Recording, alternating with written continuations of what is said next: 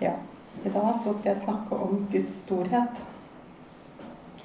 Og det ble anspora av eh, en kveld da jeg satt og switcha gjennom ulike kristne kanaler.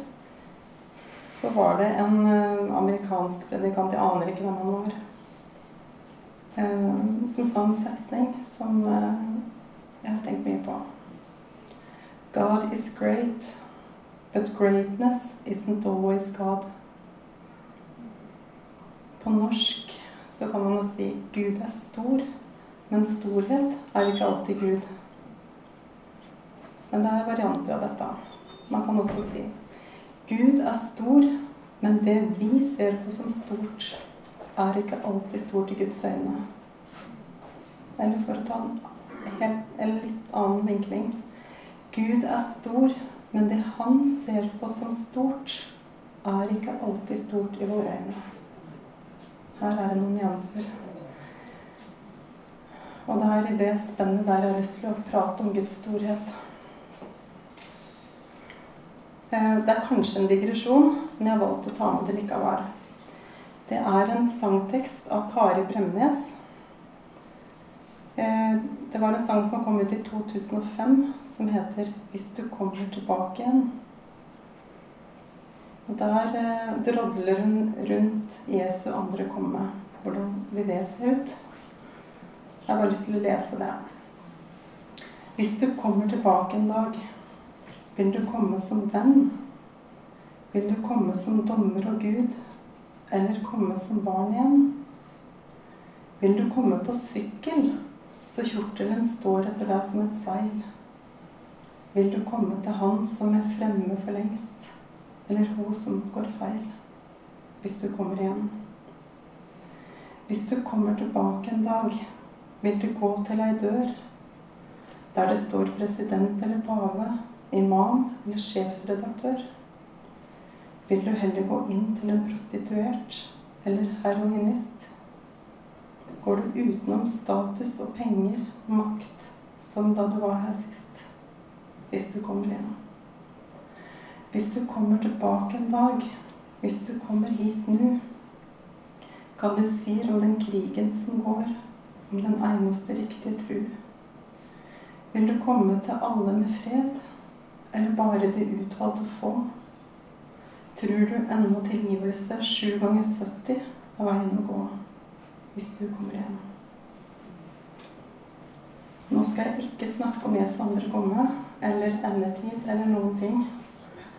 Det interessante her er egentlig at det, det var sånn også før Jesu første komme. Da jødene venta på Messias, så var det knytta en del forventninger til hvordan det skulle se ut. Og det var ingen tvil om at Israel trengte en slags utfrielse fra fangenskap. Og de, eh, mange forestilte at den Messias-skikkelsen skulle være en eh, ja, en krigerkonge, kanskje. Som eh, ja, kanskje noe à la David. Hvem vet? Det var i hvert fall knytta en del forventninger til hvordan det skulle se ut når Messias kom. Eh, vi kan se det litt da Jesus kalte disiplene også. Jeg har lyst til å lese fra Johannes kapittel 1, vers 45-51. Philip traff Nathaniel og sa til ham, Vi har funnet ham som Moses har skrevet om i loven, som også profeten har skrevet om. Det er Jesus fra Nasaret, Josefs sønn.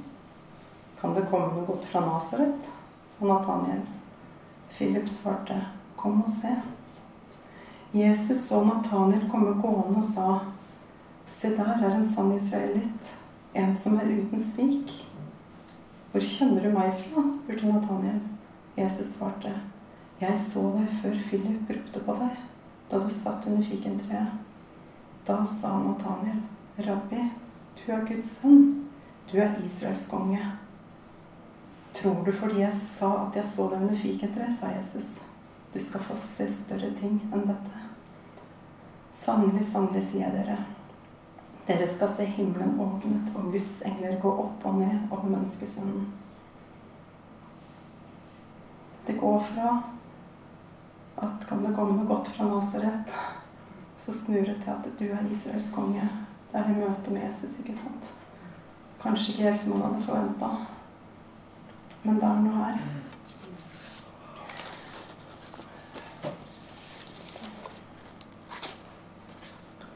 Du ble født i en stall, ikke et palass, med lysekroner overalt og rikelig med plass.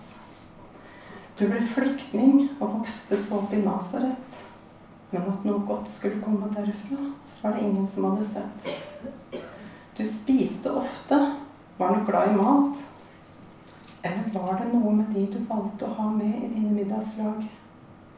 Tollere og syndere, syndere og tollere. Tollere og syndere, deg og meg.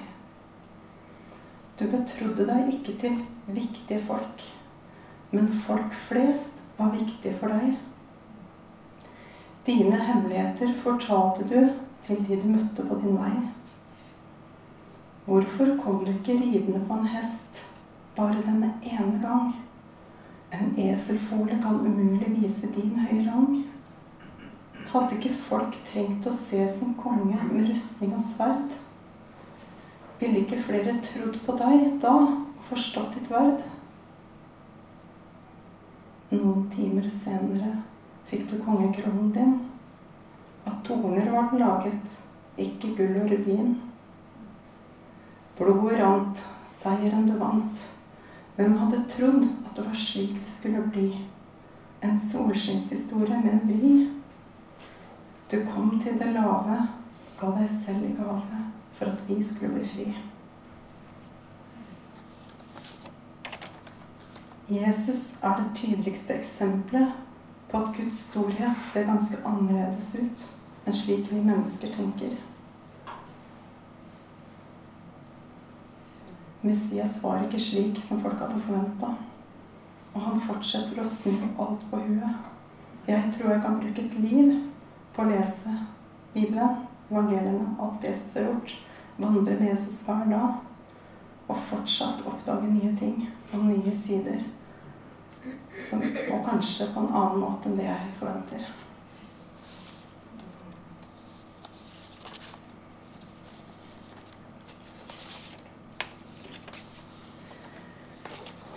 En dag så kom mammaen til Jakob og Johannes, to av disiplene til Jesus, som også kaltes Sebedeus-sønnene.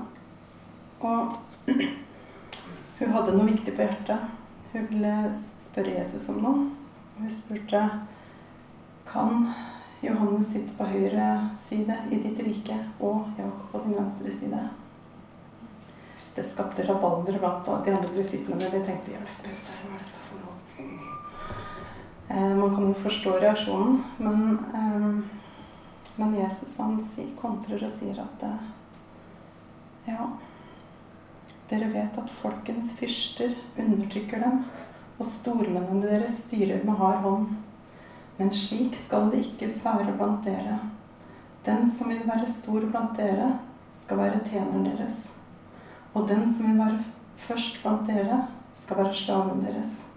Slik er heller ikke menneskesønnen kommet for å la seg tjene, men for selv å tjene og gi sitt liv som løsepenger for mange.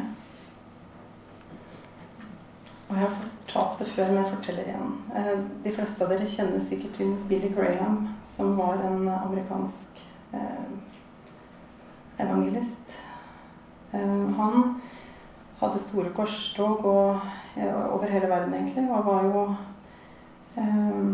en mann som både presidenter og verdensledere så veldig opp til. Så var han på TV-intervju, og han ble spurt om hvorfor stiller ikke du som presidentkandidat? Why should I step down? I'm already serving the Almighty God. Han var ikke noe tvil om hvor hans vei gikk.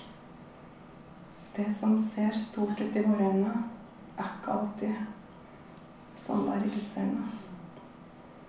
Jeg har også lyst til å fortelle en sånn referanse til en Det var en del teologistudenter som hadde fått i oppdrag å skrive en avhandling, eller sin vinkling og forståelse av historien om den barmhjertige samaritan så gjorde de det. De skulle framføre, de fikk et tidspunkt, de skulle komme og framføre dette. Eh, det de ikke visste, var at de var med på et slags skjult kamera. For eh, bak i kulissene så hadde de fulgt disse teologi teologistudentene på vei til, til dette auditoriet. Og de hadde bevisst lagt inn ulykker og ting langs deres vei for å se hvordan det gikk. Det viste seg at eh, alle rakk forelesninga eller auditoriet. Ingen hadde stoppa på veien for å hjelpe til de som, de som hadde kommet eller trengt hjelp i deres vei. Og det Altså, det kunne vært meg. Det kunne vært hvem som helst av oss. Men det er et eller annet her, ikke sant? At eh, Jesus løfter fram den historien om barmhjertig samaritan for en grunn. Det er eh, Jeg har tenkt mye på dette med hva et kall er. Hva vi har kalt det. Hva er vi med på? Hva skal jeg gjøre for deg, Gud, i livet mitt? Ikke sant? vokste opp i et ungdomsmiljø der det var veldig fokus på å, at Gud hadde store planer. Og det var ikke måte på hvor stort det kunne bli. Og jeg syntes det var kjempespennende. Å, Gud en plan for lille meg? Jeg trodde jeg skulle være med. Jeg visste ikke hva jeg skulle være med på. Jeg var helt vanvittig. Ikke sant? Og så, eh, så kom jeg på folkehøyskole. Jeg er litt forvirra. Litt sånn hva skal, jeg, hva skal jeg bruke livet mitt på? Jeg ville jo Jeg var livredd for å gå glipp av dette store Gud hadde for meg. Samtidig som man skal ta stilling til studievalg, alle disse vanlige tinga. Jeg følte at det var en spagat som jeg kanskje aldri egentlig har kommet helt ut av. Det har vært utrolig For meg har det vært en veldig sånn um, Ja, hva skal man si? Jeg har tenkt at kall handler om alt man skal utrette for Gud. Ikke sant? Jeg tror det er noe elementer av det her, altså. Det er ikke det. Men jeg tror samtidig at uh, kallet handler om en vandring. Det har fått mange flere nyanser, i hvert fall i meg. Og jeg ser helt annerledes på ting nå enn jeg gjorde for kanskje 20 år sia fått et litt mer avslappa forhold til å leve et vanlig liv. Men for 20 år sia så hadde jeg kanskje ikke tenkt at eh, å være i den samme menigheten i mange år uten å se noen sånn vekkelse, kanskje, uten at det Ja, det hadde jeg kanskje sett på som litt stusslig, for å være helt ærlig litt stusslig. Litt sånn Da har jeg bomma. Da har jeg ikke skjønt hva Gud vil med meg. Det kunne jeg tenkt for 20 år siden. Så var vi i en begravelse i sommer til eh, min grandonkel, blir det vel, mamma? Grandonkel, ja. Han var da broren til min morfar. Og han eh, Da jeg hørte om hans liv, og hørte om og tenkte på morfar, og tenkte på Det var så vanlig så var det så fantastisk.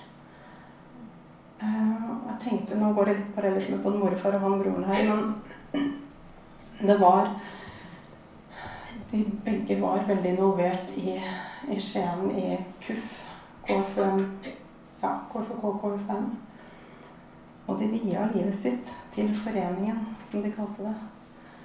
Og um, en prest som holdt minneord da, foran onkel Erling han eh, viste et bilde av eh, et avisutklipp, faktisk, av onkel Erling som satt og formidla for barn, mange barn, på søndagsskolen. Og det ble fortalt at han hadde vært søndagsskolelærer i foreningen i 50 år. Det hadde jeg kanskje Nei, ja, for 20 år siden. Da jeg satt der, så var det bare helt fantastisk å høre. Og måten de fortalte om han, hvor mye det hadde også betydd for han å få lov til å være søndagsskolelærer i 50 år. Og den gløden og den, ikke sant, alt det engasjementet han hadde. Så tenkte jeg Det var som å sitte der og feire et liv. sammen med det himmelske. Jeg tenkte at det, disse mine ordene kunne Gud sagt over nå. ikke sant? Det var bare helt fantastisk. Og jeg tenkte at det, hva jeg ser på som stort, eller tenker er stort i Guds øyne, har endra seg radikalt på 20 år. Takk og lov. Og det er mange nyanser her. Det er ikke noe sånn enten-eller her. Men det er bare det at eh, Guds storhet kan manifestere seg på ulike måter. Gjennom ulike kall. Gjennom en vanlig menneskers liv. Tenkte også på morfar, som hadde toppkarakterer. Han kunne bli hva som helst, ble han fortalt. Han kunne gjøre hva han ville med livet sitt. Og han var en ganske god fotballspiller. Det er jo jeg litt stolt av, men han var det. Og han spilte for KUF-kameraten, altså foreningen. De hadde et divisjonslag ganske langt nede. Men så i Skien så har et annet fotballag som heter Odd, som er ganske mer kjent. Og de prøvde i mange år å få tak i morfar og laget sitt fordi han kunne bli noe stort. Men morfar, han ville ikke det. Han ville spille med gutta sine i foreningen. Ikke sant? Og så kan man liksom Ja. Det er bare det at de valga, da, og den trofastheten og den bevisstheten om at her var jeg satt, her blir jeg, her tjener jeg med mine talenter og gaver resten av livet. Bruk meg til hva du trenger i foreninga. Det var innstillinga til både morfar og Erling. De arrangerte loppemarkeder, og når det ikke kom folk, så ba de til Gud, og det strømma på. Det var ikke måte på hva de gjorde. Og mange morsomme, litt rare historier, ikke sant. Og, og morfar han bare Ja, å, jeg var ikke organist. Nei, da stepper jeg inn der, da. Han, ja, han bare kjørte på med det. Å ja, de trenger en andagsholder. Jeg går dit. Han det var noe med det hjertet, ikke sant. At her blir jeg. Så det var Det er nettopp disse nyansene her.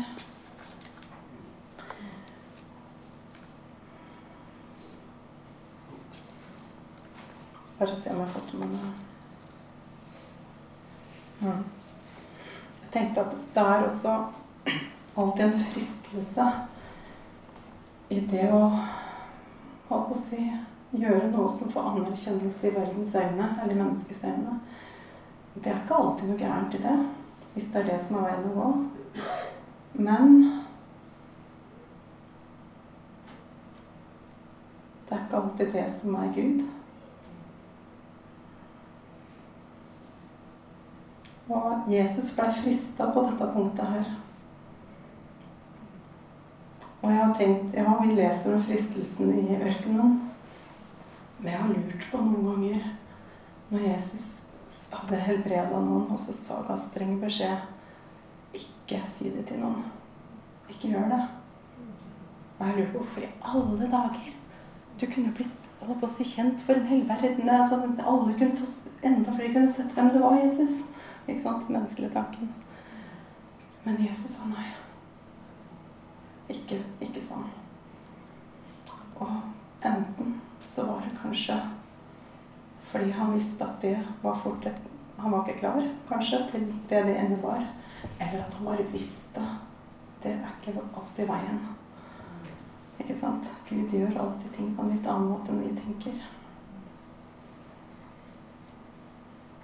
Djevelen sa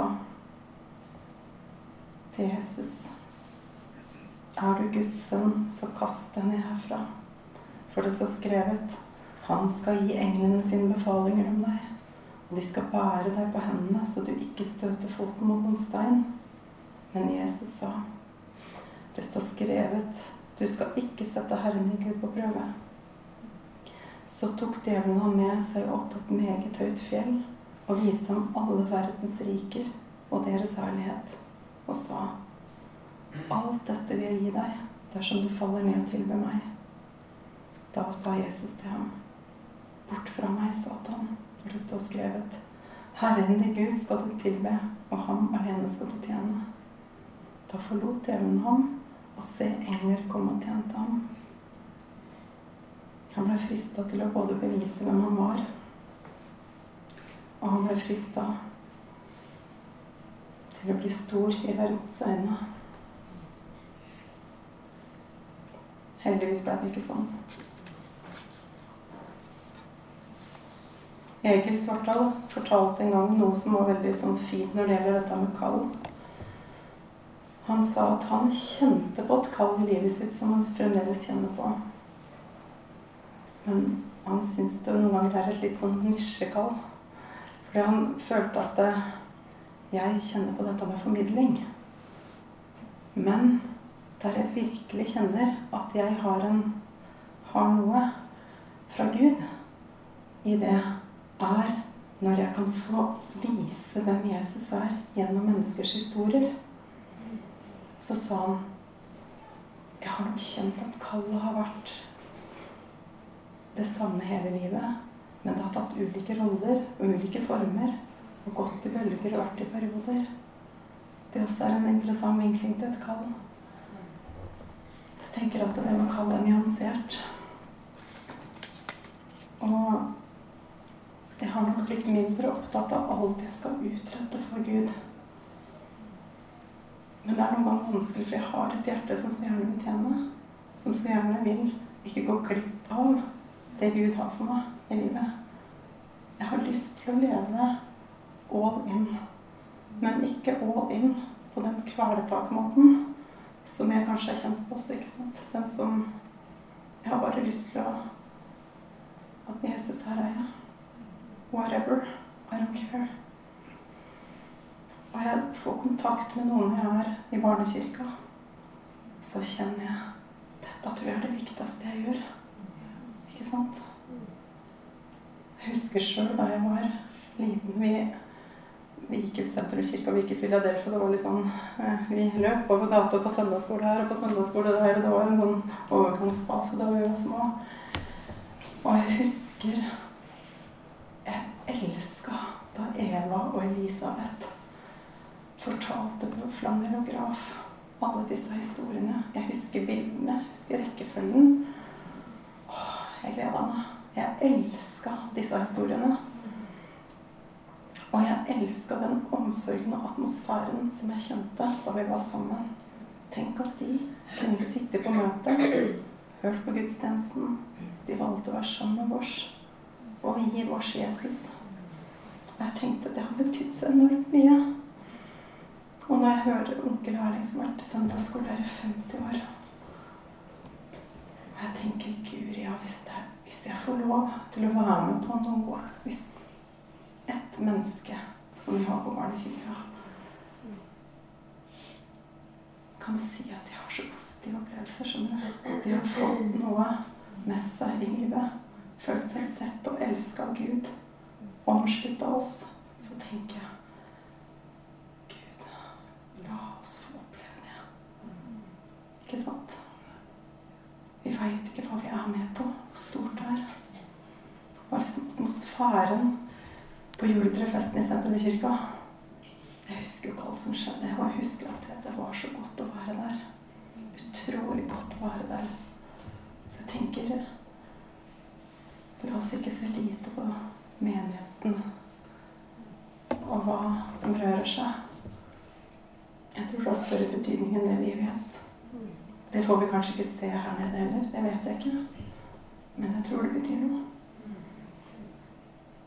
Det tror jeg. Til slutt så har jeg lyst til å si noe om Enok. De fleste av oss kjenner jo godt til historien om Enok saken er at det er egentlig ikke så mye å si. Det er eh, nevnt i ett bibelvers i første Mosebok kapittel 5, 21. Han var da syvende ledd etter Adam, så ganske tidlig. Da Enok var 65 år, fikk han sønnen Metushalam. Enok vandret med Gud i 300 år etter at han hadde fått Metushalam. Og han fikk sønner og døtre. Hele Enoks levetid ble 365 år. Enok vandret med Gud. Så var han ikke mer, for Gud tok ham til seg. Så vi veit jo ikke mye om Enok. Men han var oldefaren til Noah, og han er med i Jesu ettertavle. Og det står også i Hebrederne 11,5 at han var til glede for Gud.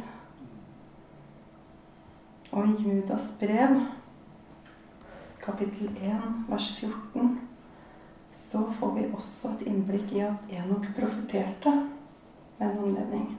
Men det er det vi veit. Det står ingenting om han utretta for Gud. Men det står at han vandra med Gud. Det er fint, det. Det er stort.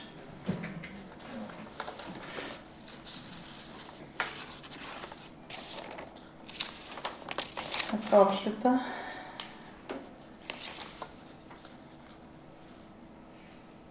Jeg tenker ikke at det jeg sier nå, er imot det å trakte etter eller drømme stort eller håper å si få tak i er noe mer.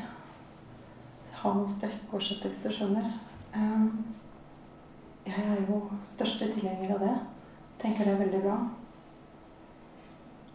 Men jeg tenker også at eh, når vi sikter mot stjernene, så kan vi også eh, vite det at eh, Guds stjernehimmel kan, kanskje litt annerledes ut fra hans perspektiv.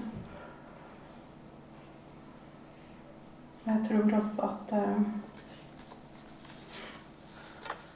kanskje like viktig som hva vi utretter for Gud, er hva vi bevarer gjennom livet.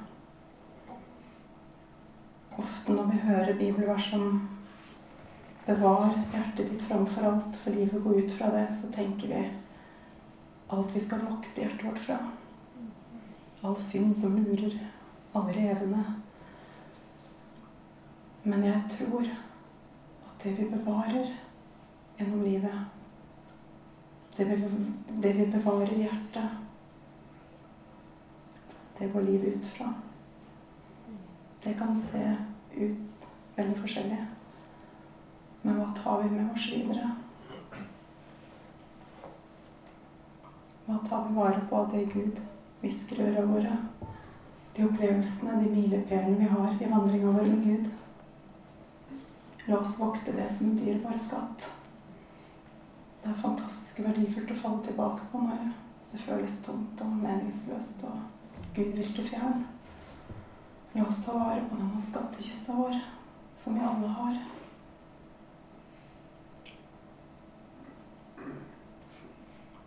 Det tenker jeg.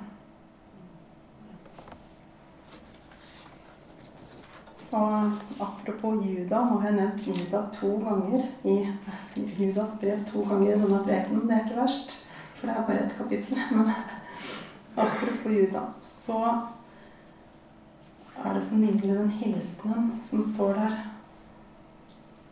Han hilser menigheten med å si 'Dere som er bevarte i Herren'. Det er stort, det. Å være på gjennom et liv for å være bevart i Herren. Det skal vi ikke se lite på. Takk for meg.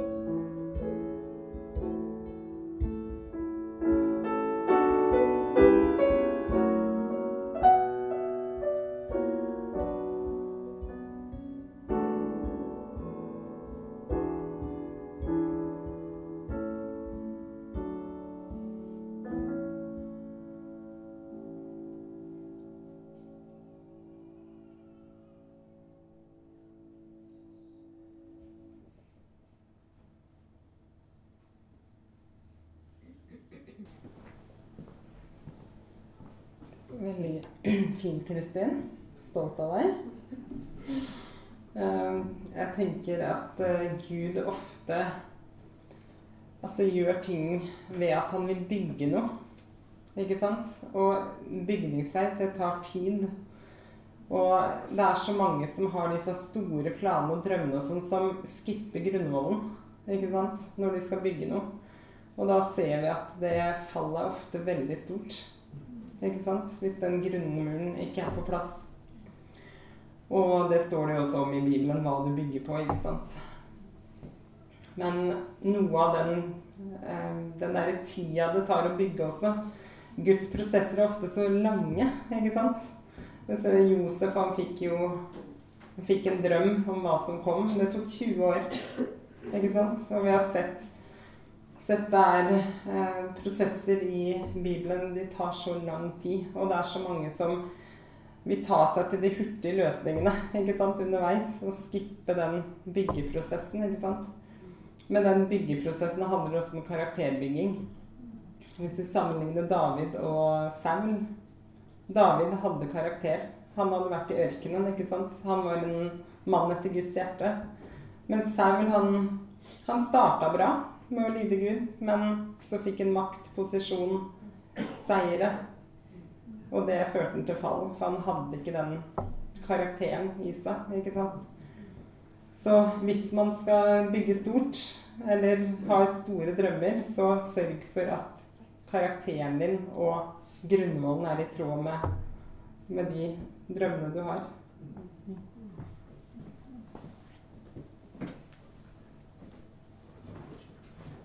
Jeg måtte jo si noe, jeg nå, for det her eh, kjenner jeg meg igjen i, Kristin. Um, jeg tenker på det der når du sier det å være vanlig. Så trenger vi nåde for det, vet du.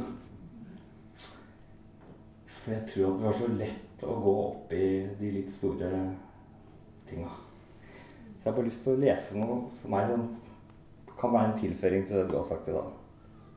Når jeg satt og tenkte over det samme. Grunnstoffet mitt, det er gull og gråstein. Gullet, det er også lett å akseptere der det ligger og skinner av verdi. Verdi som kan brukes til noe. Gråstein derimot, den vil jeg helst bare legge en haug for seg sjøl. Og kanskje til og med glemme at det eksisterer.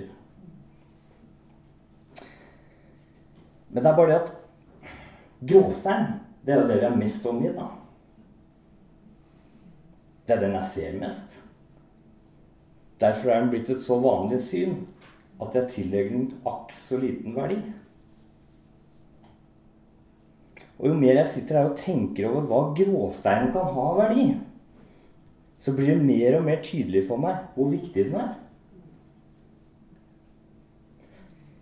Hvor mange hus står ikke støtt på en grunnmur av gråstein. Hvor mange veier bærer ikke tonnevis av biler bygd av gråstein? Se eldgamle murer, skulpturer og bygninger som står den dag i dag.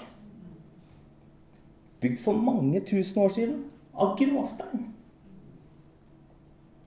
Det er noe bærekraftig over den gråsteinen. Over det helt vanlig av det som går i ett mat. Og det er så vanlig at man slutter å se det. Gullet derimot, da, det er noe ytterst sjelden. Noe som glimter til som et øyeblikk. Noen forskere mener jo at gullet bare fins i overflaten av jordens skorpe, og at det kan bekrefte at gull er noe meteorene egentlig har brakt til jorda. Altså noe som kommer utenfra og gir sin glans, fra noe som egentlig ikke eksisterer som et opphav fra det jordiske, men mer som et besøk fra et himmellegeme. I overført betydning, da, så burde vi øve oss på å sette mer pris på gråstein enn gull. For når vi jakter på gullet i livet, vil det finnes bare som noen små porsjoner, ytterst få øyeblikk, som vi vil glimte ytterst få ganger. Det vil bli en lang og skuffende jakt med noen ytterst få lysglimt. Derfor er det en øvelse å sette pris på gråsteinen og se dens verdi. Om vi klarer det, så tror jeg den vil være bærekraftig og om mulig skinne mer varig og sterkere enn gullet.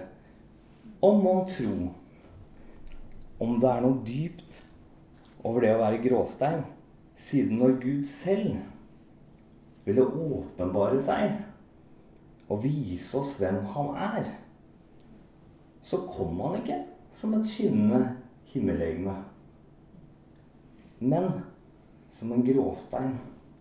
Så vanlig at det måtte tro til for å se noe mer enn bare en gråstein.